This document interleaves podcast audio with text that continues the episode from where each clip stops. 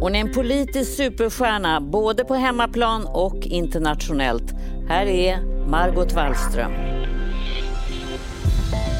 Jag har mött henne under många år och sett hennes vrede inför orättvisor, hennes humor och hennes personliga sätt att möta mäktiga män i världen. Men jag har också sett osäkerhet, ensamhet och sårbarhet. En del eh, kvinnor säger att eh, vi, vi håller på att bränna ut oss och vi orkar inte med alla de krav som ställs på oss. Margot Wallström växte upp i ett arbetarhem i Kåge i Västerbotten. Bara 25 år gammal blev hon Sveriges yngsta riksdagsledamot. I slutet av 80-talet var hon minister i Ingvar Carlssons regering tillsammans med Mona Salin och Anna Lind. De tre kvinnorna blev nära vänner. När Göran Persson tillträdde som statsminister 1996 fick Margot rollen som socialminister men avgick efter ett par år för att påbörja sin internationella karriär. Först som populär EU-kommissionär i Bryssel under tio år och därefter till New York för flera toppuppdrag inom FN.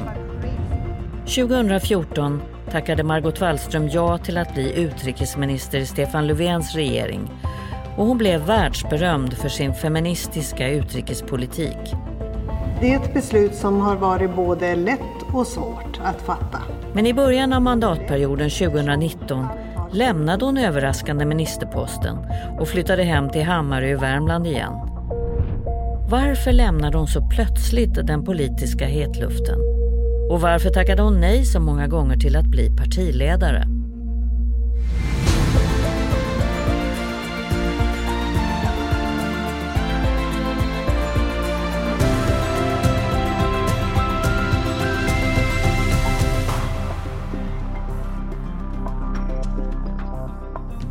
Välkommen hit. Tack så mycket. Margot Wallström. Eh, jag har en fråga som jag brukar börja med och det är eh, en spännande fråga tycker jag. Vilken tror du är den största missuppfattningen om dig? Det kan jag ju inte veta men det som sårar mest mm. det är nog när man ifrågasätter ens politiska drivkrafter. För jag har ju varit i politiken sedan jag var liksom ung tonåring.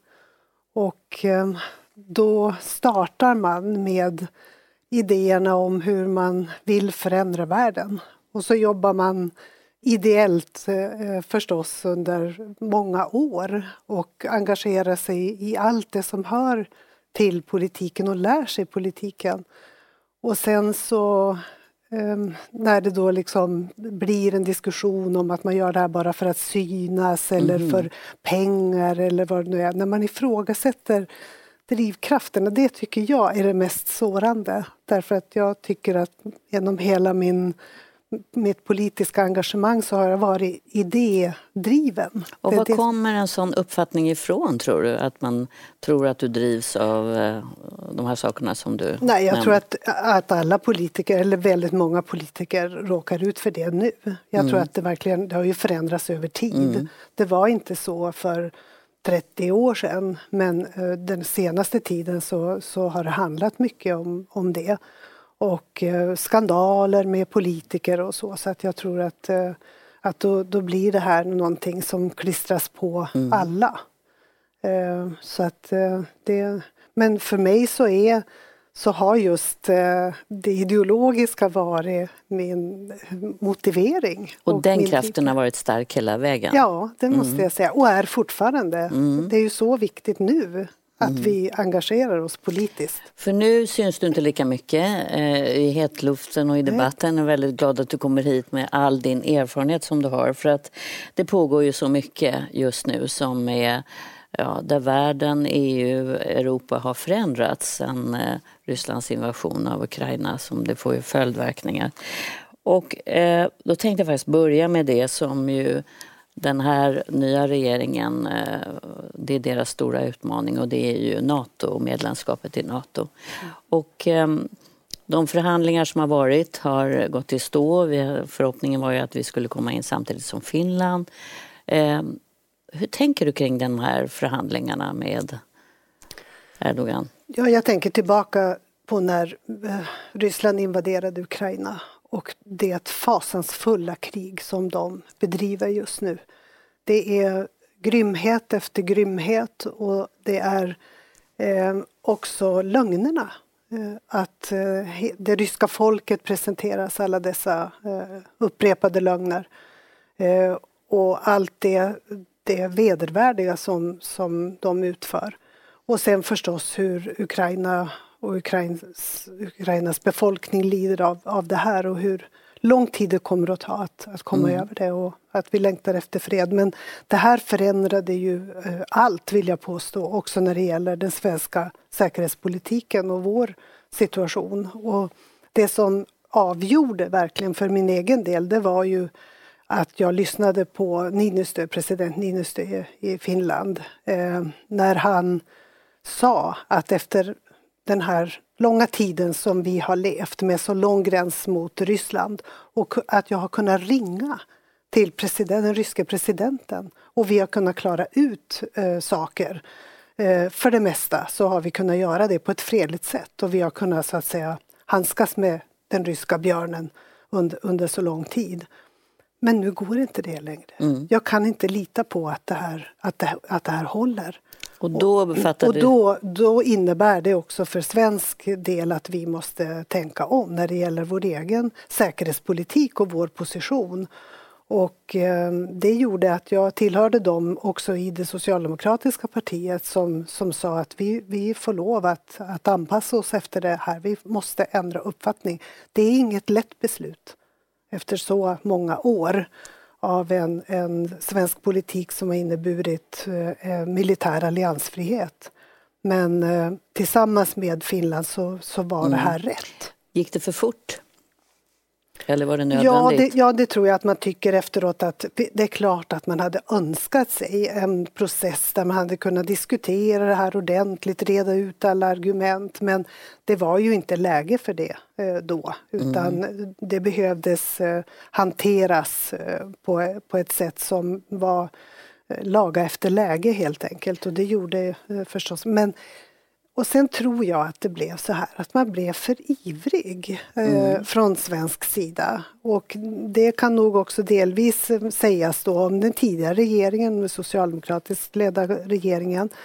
Eh, och sen så har det ju blivit rent plågsamt att se vad är det som har blivit plågsamt? Ja, men att åka dit på statsministernivå utan att det är förberett så att man kan komma hem och båda parter kan säga att vi har kommit överens om någonting. Vi flyttar fram positionerna och istället har det ju blivit en För de som förnedring. inte är inne i den här typen av eh, resor som, som ju då nuvarande statsminister Ulf Kristersson gjorde. Eh, vad menar du med för, att det inte var förberett? Man, man förbereder alltid diplomatiskt en sån resa den ska ju förberedas så att man vet vad är det jag vill åstadkomma med att åka dit. Hur kommer det här att presenteras? Hur kommer det att utnyttjas? Och man får inte underskatta en sådan motpart som Turkiet i det här fallet. Det, det men gjorde Magdalena att... Andersson det, tyckte du, förberedde det här? Eller båda de var för ivriga? Ja, men där satt man ju faktiskt och kom överens om hur ska vi ha det, vad är det som ska uppfyllas för att Turkiet mm. skulle eh, då gå med på det. det, det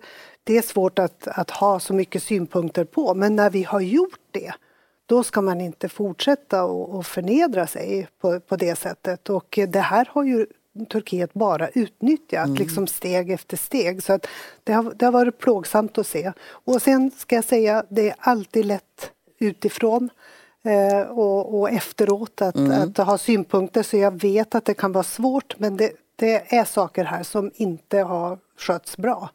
Hur hade du gjort om du hade fått eh, bestämma? Nej, men det, man kan inte veta det. Jag bara säger det att, att det är ju en sak som man lär sig som diplomat och som minister också. Att ska du åka någonstans måste du ha ett syfte med den, med den resan. Det är ju, för många har sagt att vi borde ha rest till Kina och för, förstås försökt att få hälsa på Gui Minhai. Vi borde ha åkt till det ena eller andra stället. Men man gör inte det om man inte liksom ser att, att det, det ger resultat. Som, men som men du, du säger att det var, Sverige visade för mycket av att det fanns en iver av att snabbt ja. komma med att göra eh, det här som man så gärna ville gå tillsammans med Finland. Eh, vad, vad, hur ser du på det som händer nu då? Vad tror du om eh, medlemskapet? Nej, jag tror det, det är klart att Sverige kommer att bli medlem i Nato mm. och resten av NATO-medlemmarna anser ju det också. De vet att Sverige är en security provider, sa alltid Joe Biden när han var vicepresident också, att Sverige bidrar till att stärka säkerheten för NATO-medlemmarna och för, för regionen och så. Så att det vet man ju att vi har mycket att bidra med. Och Nato vi... tycker jag också att man kan, kan fundera över vad deras roll har varit faktiskt. Ja, vad, här, vad tänker ja, du då? Ja, jag menar ju att USA förstås eh, eh, överlät då till, till Sverige och Finland att liksom sköta de här förhandlingarna men men USA hade behövt att sätta mera press också på Turkiet. Varför gjorde man inte det? Tror de har en annan agenda, just nu mycket annat att hålla på med. Kina Vad har de för annan agenda? Kina. Kina, de var upptagna med annat. Men det, du är övertygad om att Sverige kommer att komma med ja, i sommar redan eller vad tror du? Ja, jag vet inte om men, tids, men det, det, är väl bedömningen mm. att när valet är över och allt som kommer efter det, det turkiska valet så, mm. så är det nog dags. Feministisk utrikespolitik blev du världsberömd för. Du har kallats i New York Times, eh, läste jag om att du är eh, den svenska superstjärnan och de var väldigt intresserade av hur du drev den feministiska utrikespolitiken. Och eh, om man bara kort för att komma ihåg, vad var det som var de viktiga beståndsdelarna i mm. det? Eh, det är fortfarande, vill jag, vill jag påstå och mm. hoppas så är det också för de mer än tiotalet länder som har följt efter. Eh, så handlar ju det om att man förstår att om fler kvinnor är involverade i fredsförhandlingar och skriver under fredsavtal och i det som är en uppföljning av ett fredsavtal, då räcker freden längre. Då blir den mer hållbar. Såg du några konkreta resultat av det arbete du gjorde med feministisk ja, det, ja, men det tycker, jag, det tycker jag absolut, därför att nu finns ju det här, det är ju ett synsätt man etablerar. Mm. Och sen menar jag att det måste vara praktiskt och därför så sa jag också att eh, riktlinjerna ska vara att det ska handla om eh, tre R. Och det första är rättigheter. Har kvinnor samma lagliga och mänskliga rättigheter eh, som män? Hur ser det ut med deras representation? Eh, finns de med där viktiga beslut tas? Mm. Och för det tredje så handlar det om resurser. Eh, har man i budgeten lika mycket resurser för att möta de behov som kvinnor och flickor har? Och hur fördelas pengarna i samhället? Eh, mer pengar i kvinnornas händer så mm. blir det också bättre samhällen, det vet man ju. Och nu har man strukit det från agendan i den nya regeringen? Ja, jag tror att de vill inte använda det Uttryck. begreppet men jag tror att det här kommer att leva kvar i, i mm. det sätt som vi tänker Eh, om, om detta. Och titta på de situationer vi har idag.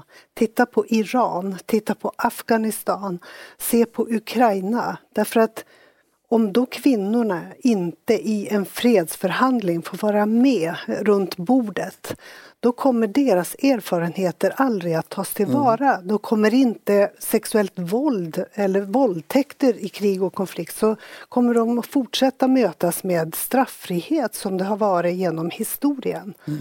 Och, och, det handlar ju helt enkelt om att man kan inte ignorera hälften av befolkningen mm. i ett land och man kan inte tro att det blir fred utan kvinnornas medverkan.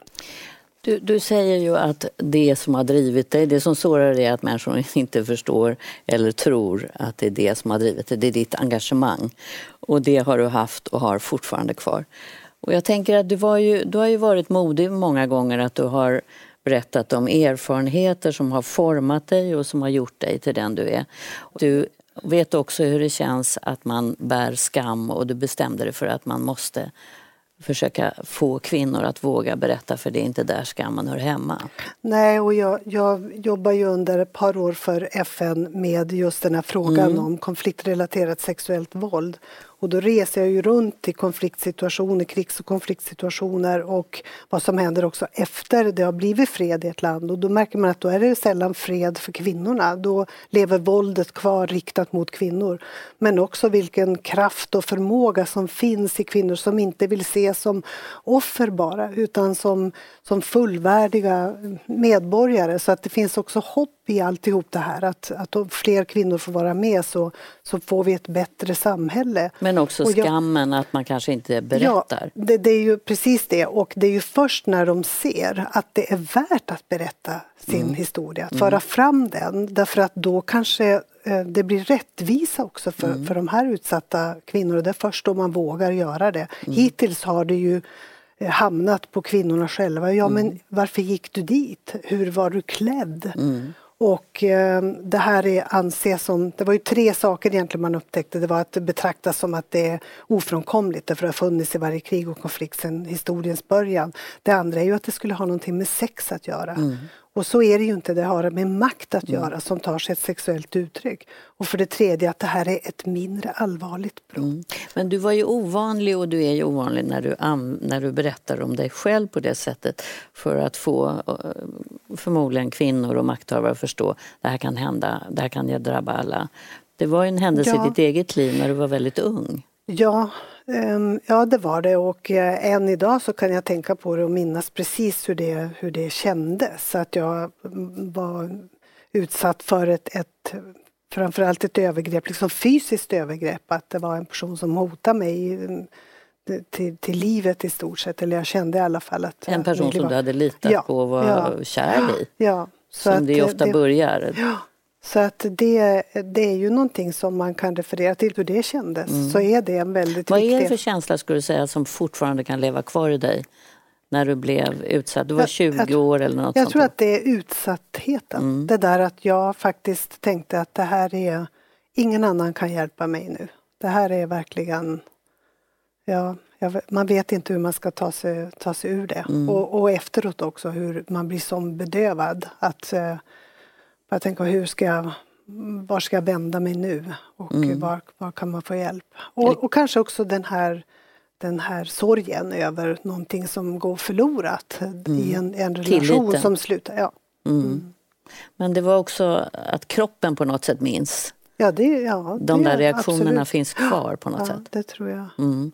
hur blev du mottagen när du berättade om det här? Jag minns fortfarande den här New York Times-artikeln som ju väldigt mycket fokuserade på att det var dina erfarenheter som också gjorde att du blev så oerhört berörd när du träffade de här kvinnorna. Ja, men jag, för jag tycker att man fortfarande ibland kan skuldbelägga kvinnor. Att man ska säga varför lämnar du inte bara och varför det här går att liksom ta sig ur. Men mm. det är inte så lätt. Nej. Och eh, att förstå hur den där psykologin och beroendet eh, fungerar, det tror jag är väldigt, en väldigt viktig insikt. Och efter att ha träffat alla de här andra som, som också var överlevare, kvinnorna i olika situationer, så skulle det aldrig falla mig in att, att, att anklaga dem för någonting. Man vet att de är helt oskyldiga civila personer som kvinnor och, och, barn också som, som angrips. Så det, det är lite grann samma sak. Mm. Vågade du då när du var så ung berätta?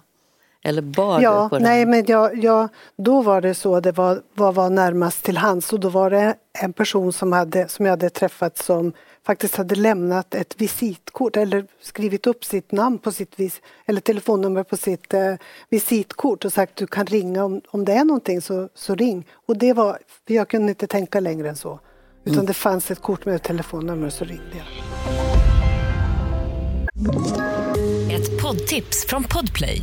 I fallen jag aldrig glömmer djupdyker Hasse Aro i arbetet bakom några av Sveriges mest uppseendeväckande brottsutredningar. Går vi in med hemlig telefonavlyssning och, och då upplever vi att vi får en total förändring av hans beteende. Vad är det som händer nu? Vem är det som läcker? Och så säger han att jag är kriminell, jag har varit kriminell i hela mitt liv men att mörda ett barn, där går min gräns. Nya säsongen av Fallen jag aldrig glömmer på Podplay.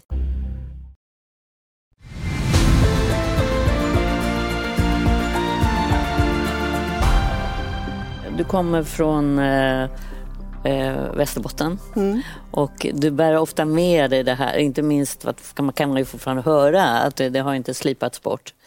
Eh, och det, det förstår jag också har format dig, de där värderingarna man får när man växer upp. Det är väl så, upp till, vad är det, runt 20-årsåldern mm. så, så bildas nog mm. de flesta viktiga eh, värderingar som, och ideal som man mm. sen har med sig genom livet. En del slipas av och somligt annat läggs till därför, med erfarenhet men, men i grunden så är det, är det det man, man kan återkalla. Man kan mm. minnas vad, hur föräldrarna sa, vilken inställning de hade. Mm. Vi gör det här för er. Din mamma tänker jag på. Mm. Det var också hon som såg efter det här övergreppet du var med om att du såg, inte, du såg ja. ledsen ut. Hon ja. kunde se Du skrattar inte lika mycket du skrattar inte lika mycket. Var...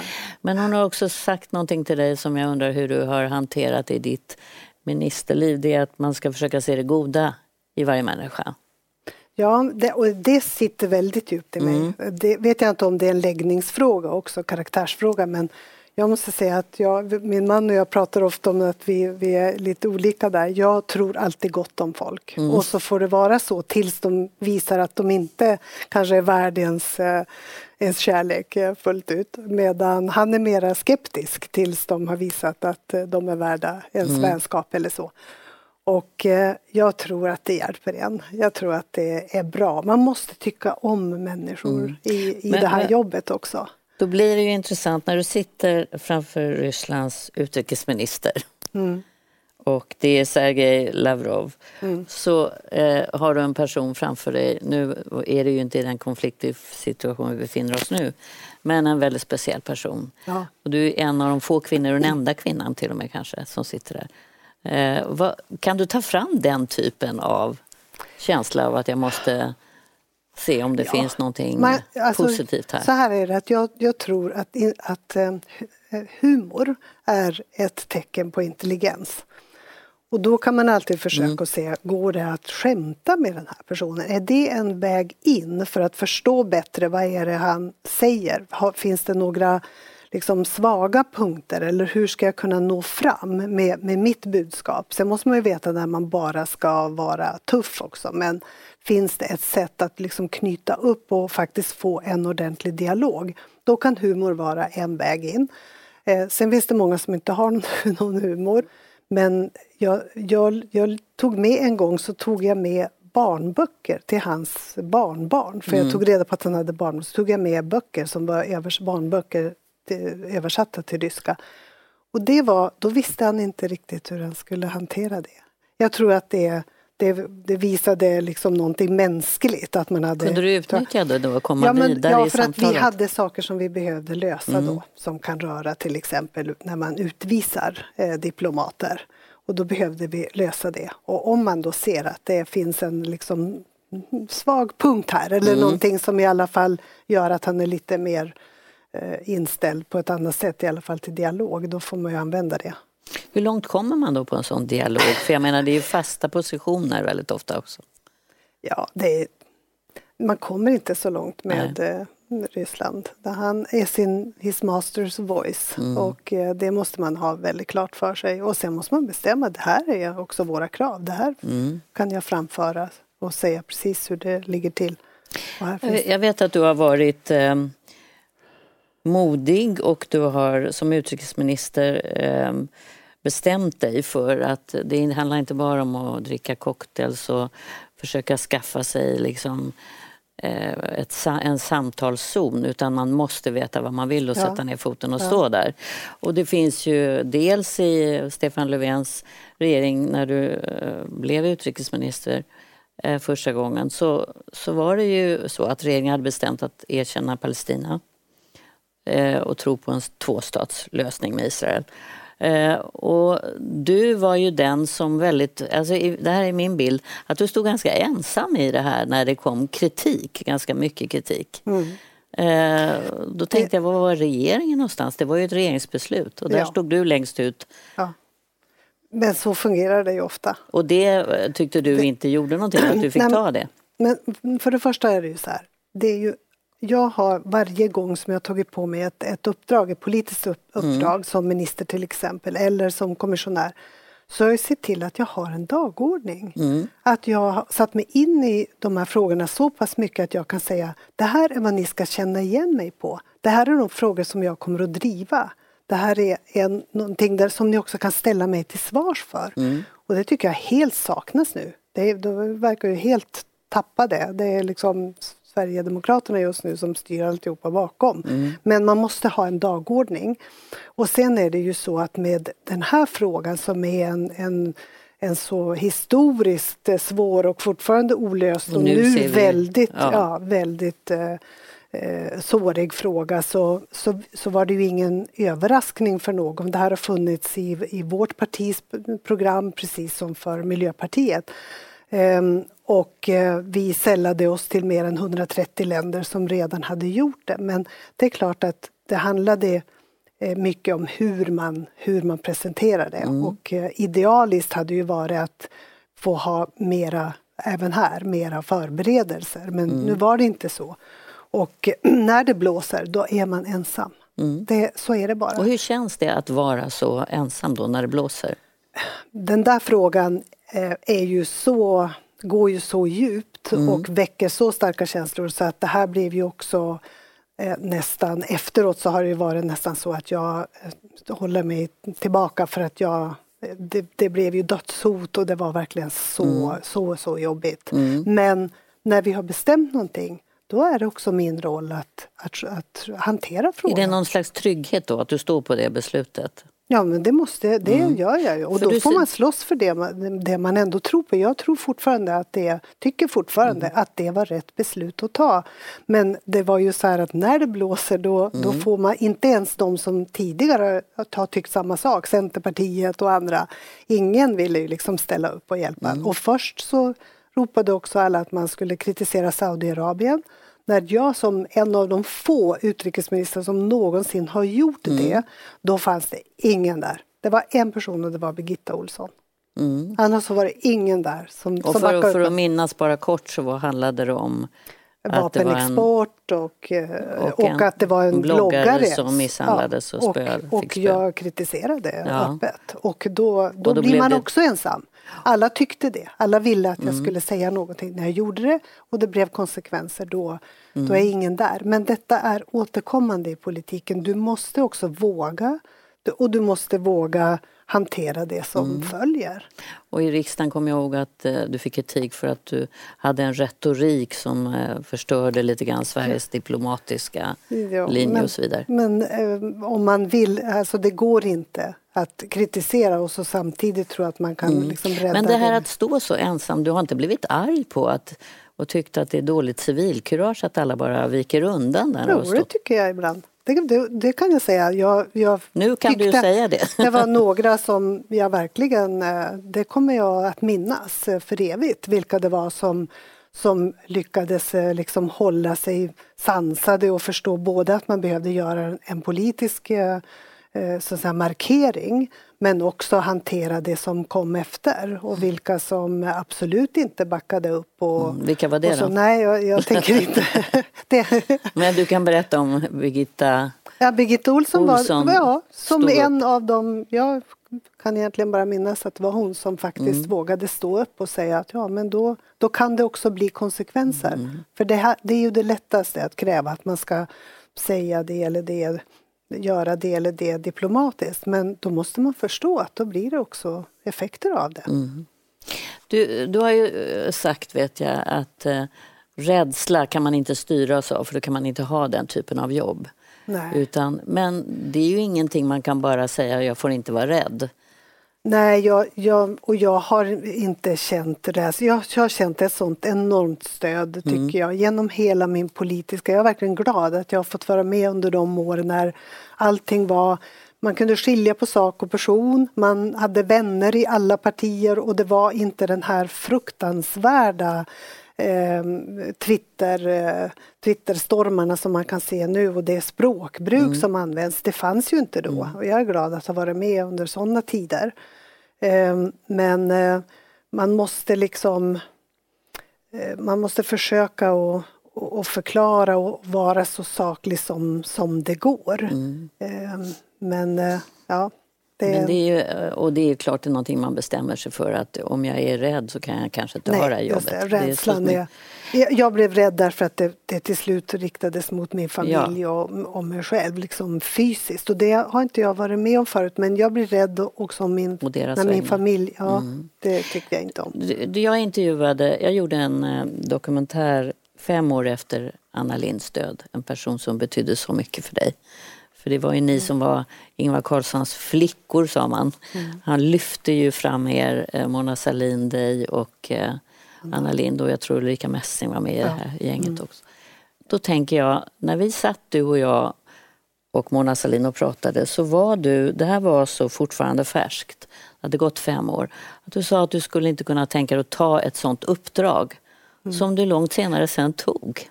Ja, där, därför ihåg mina, att nej, ja, sa du bara. Men mina söner var, blev väldigt rädda. Mm. Det var faktiskt en viktig, ett viktigt argument. Mm. Um, och, um, och, och, det var ju en chock för oss alla mm. att det kunde hända på, på det sättet. Mm. Men uh, jag måste säga nej, man kan inte arbeta uh, så dagligen med en sån och bära på en sån rädsla. Det går inte, det nej. måste man helt enkelt skjuta. Så jag har inte känt det, men jag har ju levt med livvakter under mm. fem år. Jag tror att det var en enda gång som jag upplevde att jag kunde känna ett stråk av, av rädsla men då berättade jag det för livvakterna och så försökte vi att ordna det på det. Men annars har jag aldrig låtit det liksom mm. krypa in på. Det, det som jag fastnade också för, du och jag är ungefär lika gamla, du är ett mm. år yngre än vad jag är. Men det är ju de här, att man kan vara så omgiven av så många människor men ändå vara så, så ensam, säger du i en film som eh, ja. Victor Nordenskiöld gjorde där han följde dig, jag tror det var 1460 dagar som du, eh, när du var utrikesminister. Mm. Och alltså det är någon så otroligt högt tempo så man förstår inte hur det är möjligt att fixa det. Och det hela tiden måste du vara skärpt och du ska ut och, det, och minsta mm. felsägning kan ju få eh, diplomatisk betydelse. Men sen så då när du sitter på ditt hotellrum i New York mm så kommer ensamheten och familjen är på andra sidan. Mm. Mm. Eh. Ja, det är nu efteråt när jag ser tillbaka så fattar jag inte själv nästan. Alltså att man orkar med det tempot som var. Så var det så extremt många resor och, och vi hade tiden i säkerhetsrådet för att då, då var det också tidsskillnaden som gjorde att man fick eh, leva med det hela tiden. Mm. Och så är det nyheterna. Och jag minns att jag kände en gång, precis som om man har öppnat liksom hela bröstet så, här, så att hjärtat och allting det som man känner världen med eller förstår världen med var bara upp, vidöppet. Mm. Och så kan man heller inte ha det, så kan man inte tänka att jag tar på mig allting hemskt som händer och det är någon sorts roll för oss eller för mig i alltihop det där. Mm. Det är jätte, jättesvårt. Så att jag blev ju sjuk också dessvärre. Mm. Så att till slut så tror jag att stressen eh, kommer med ett pris som kan vara... Jag, jag fick giftstruma. Mm. Och um, det var ju besvär, väldigt besvär. Ja. Nej, det, jag vet faktiskt inte i vilken mån, men jag tror det. Jag tror att det triggade någonting, mm. de förändringarna. Och vad innebar det att du blev väldigt trött? Och... Ja, först blev jag väldigt speedad och uh, man har en överproduktion, mm. sköldkörteln överproducerar och så sen så, så blir man trött för då måste man äta medicin och uh, ja, det var tungt. Men, men du körde ändå på? Ja, ja. Den där eh, drivkraften fanns ja, kvar där ja, inne i dig. Så är det ju. Och det var ju så fantastiskt därför att jag hade sån... Det var så meningsfullt. Mm. Det var viktigt. Det var ett fantastiskt team som jag har haft omkring mig jämt eh, och mm. som, som har hjälpt mig. Så att jag upplever inte att jag har varit så, så ensam utan jag har alltid trivts med att bilda ett, ett lag och, och liksom jobba med ett lag. Men man är, man är inte sitt bästa. Alltså, jag tror att leva med den här sortens uppgifter och jobb, det tar fram det bästa och det sämsta igen. Därför att man kan ju vara, så här, man måste vara så skärpt och man kan använda sina bästa förmågor. Men man blir också jobbig. Och, Hur blev du jobbig då? Ja, jag tror när man blir stressad så, mm. så blir man okänslig kanske, kan inte lyssna lika, kan inte engagera sig lika otålig. mycket i människor omkring, lite otålig. Och, mm. Ja. Mm. det har... ångrar jag väldigt. Jag ber alla om ursäkt som jag har som du... varit jobbig med.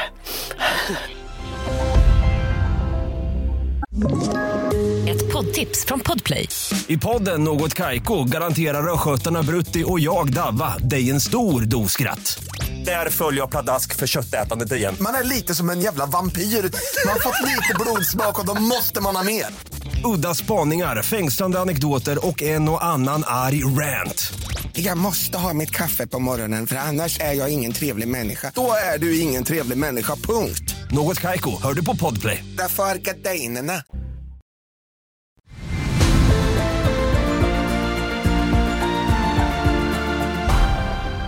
Är, är du en maktmänniska? Måste man inte vara det för att ta sig dit ja, du tog dig? Ja, alltså makt. Men jag kan säga så här, jag har ganska, i grunden har jag ganska dåligt självförtroende. Mm. Jag är inte en person som verkligen gillar cocktailparten eller att liksom vara på de, på de där tillställningarna, när det blir för uppstyrt och för uh, formellt. Det, det, har jag svårt med. Och då kan jag känna så här, då känner jag mig som arbetarungen från KG som inte mm. riktigt vet besticken och alltihop det men det har du lärt dig men, men, det, men det, liksom, det, kan ju, det lär man sig ju. Men, men jag är inte att jag trivs mm. som... Jag, jag till och med tycker inte att det är kul att gå på Nobelfest. Tyckte du inte det var kul? Nej, jag, nej, jag tycker inte när, upp när det är för mycket av det där mm. att man ska mm. granskas och för du har ju eh, pratat om din klassresa som du har gjort där man också åker ifrån det man kommer ifrån ja. och sen kommer du tillbaka och då har de ja. en gemenskap som du inte längre känner dig hemma i. Så, så är det och det är, är väldigt eh, sorgligt på ett Man vill kunna komma tillbaka mm. till det där och så har ju jag haft en, en annan livs, livsresa och andra erfarenheter och så tänker jag om jag säger det där så låter det som om jag skryter eller, mm.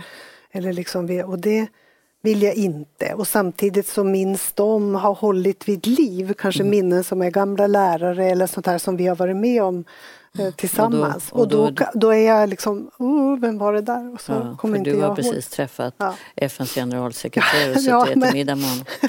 Det, det, det, det jag också undrar över är, när växte det här beslutet fram som ju överraskade? Jag pratade med Stefan Löfven som sa att han blev väldigt överraskad när du i, mitt i en mandatperiod bestämmer nej, nu måste jag sluta. Jag hade nog från början eh, tänkt att det bara skulle vara en eh, efter en tid så tänkte jag att det får vara en mandatperiod. Alltså, mm. Också fyra år är lång tid mm. med det tempo som var. Men sen också när jag blev sjuk, då kände jag att då blev ju ändå fem år.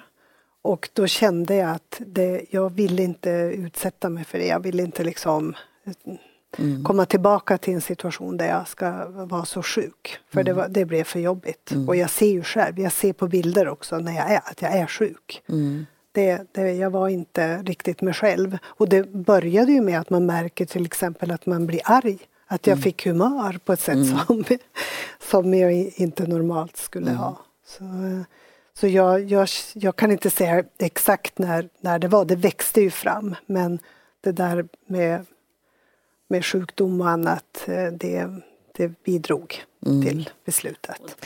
Vad tänker du om priset för att eh, det är ju ett högt pris att ge sig in i politiken med den där glöden och på den nivån som du har varit. Att betala ett sånt högt pris, har det ändå varit någonting som jag du tycker att det var värt? Jag tänker att det hade inte fungerat om jag inte hade haft en sån fantastisk eh, man och familj. Att, att faktiskt ha någon där som, som också ställer upp som han har gjort och följt mm. med ut i världen och som har skött allting. Ja, mer än mm. tio år i Bryssel. Mm. Och vi var på Sri Lanka före det. Och så mm. sen bodde jag ju då själv i, i New York under då fick du inte med dem? Så, nej, nej, men då, då var ju barnen stora också. Så, men det, det blir ju ensamt. Ja. ja det, det är ju han som är hjälten i alltihop där, mm. verkligen. Och nu då, att hoppa av sådär. Ja, men fast jag kallar det inte hoppa av. Jag tycker Nej. inte att det är att hoppa av riktigt. Jag, jag, jag, har alltid valt själv att liksom när jag vill, vill gå. Och jag har bestämt att jag ska inte heller stanna så att folk ska tycka så här, ah, men när ska, man, ska vi aldrig bli mm. av med henne och, och så där. Utan att, att man själv ska välja sin, mm. sin väg. Men det är ju också så här, många gånger så tycker man att då är man som bäst. Då har man lärt sig mm, liksom. Man har kontakterna, man har erfarenheter, man har liksom det politiska mm. hantverket mm. finns där.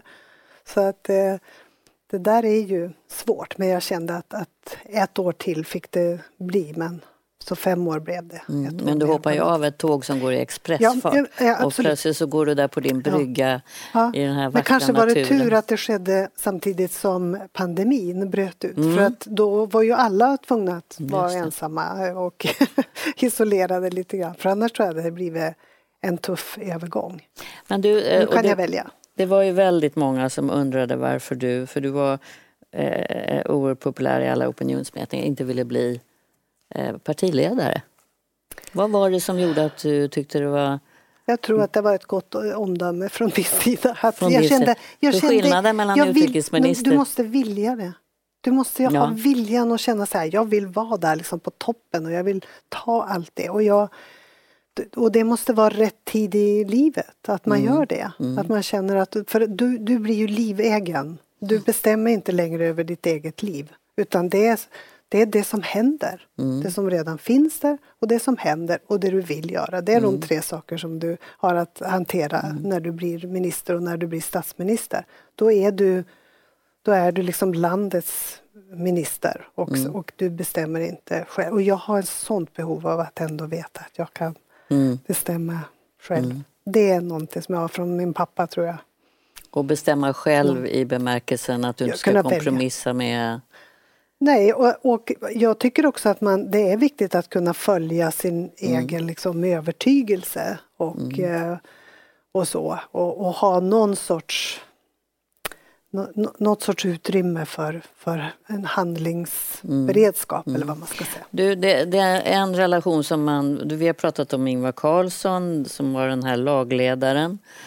Göran Persson, jag turnerade, höll jag på att säga, mer än valrörelse när du var socialminister. Ja. Mm. Och eh, ni var ju radarparet då på alla valaffischer och sådär. Mm. Men eh, då fick du inte så mycket, eh, ja, det, det, du fick inte så mycket utrymme, det är min Nej. be, beskrivning av. Nej, det får man inte Nej. ihop med, med, med Persson. Men, men det som kanske förvånar många är ju att vi är faktiskt väldigt goda vänner. Och Ni är det? Ja, ja men, och det är vi. Vi sågs ju på partikongressen sist och eh, eh, satt ner och pratade och gamla minnen och hade jättetrevligt ihop. Och det är så här också att vi har ju väldigt mycket gemensamt. En något sätt. vi liknande har liksom bakgrund. liknande bakgrund.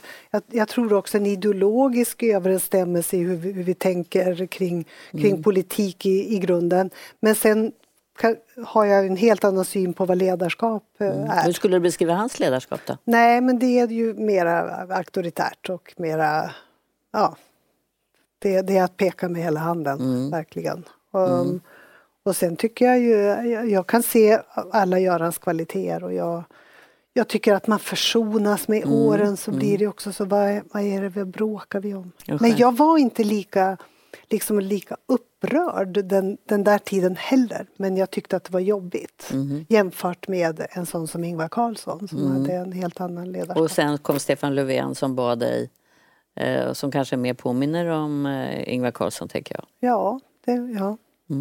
Du, ehm, vad ska du göra nu då? Eller vad gör du Vad nu? gör jag nu? Ja, men du ska nu... skriva en bok och, har jag hört rykten om. Kommer du göra det? Ja, nej, det känns jobbigt. Ja, men jo, jag kanske kan prova med att skriva om någonting sånt där Mm. som dyker upp. eh. Det, är, det är ju tre kon den här gången. Som Mm. jag, det är kvinnor, alltså kvinnor och jämställdhet. Det är kärnvapen som verkligen, och Mm. den frågan som verkligen har följt mig. Och så är det klimat och miljö. Det är de tre frågorna som verkligen Mm. Inga har... små frågor. Nej, och de kommer att fortsätta vara de viktigaste. Mm.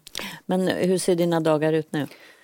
Ja, men nu kan jag ha sovmorgon och så får jag kaffe på sängen och tidningen. Och Mm. Fortfarande. Så att efter jag- alla dessa år? Ja, efter alla dessa år. Tänk. Mm.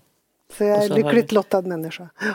Har du sådär längtan in i politiken när du Nej. tittar på den utifrån? Nej, det har jag Det har du inte? Nej, det har jag inte. Så att om du skulle få en fråga och gå in och bli miljöminister i en ny socialdemokratisk regering. Alltså det skulle, just det skulle möjligen vara en, en En- lockande men, men nej, jag har gjort mitt. har gjort det, ditt. Ja, det är dags för Ja. unga krafter. Men eh, det behövs ju någon, det räcker inte med att bara vara ung utan man måste ju faktiskt också förstå att man behöver ha en dagordning. Och sen måste sett. man våga ge sig in i politiken Våga. som har blivit Ja. så Ja. mycket svårare idag eftersom den i är sociala medier har gjort att det förs olika typer av rättegångar och debatter Ja, och, och hårt. och hårt klimat. ja. Mm. Och ehm, jag, kanske i ett annat liv hade jag nog varit bibliotekarie så att man kan också bli klok och läsa en bok tycker jag. Det är viktigt. Tyst och, eh, och läsa. Det är vad du har längtat efter. Det kan du göra nu. Ja, kan jag göra nu. Ja. Tack för att du kom hit, eh, Margot Wallström. Tack så mycket. Lycka till. Tack.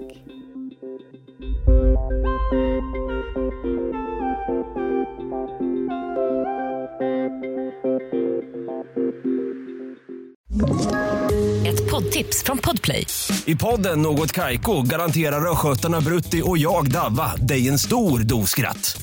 Där följer jag pladask för köttätandet igen. Man är lite som en jävla vampyr. Man har fått lite blodsmak och då måste man ha mer. Udda spaningar, fängslande anekdoter och en och annan arg rant. Jag måste ha mitt kaffe på morgonen för annars är jag ingen trevlig människa. Då är du ingen trevlig människa, punkt. Något Kaiko, hör du på Podplay. Därför är gardinerna.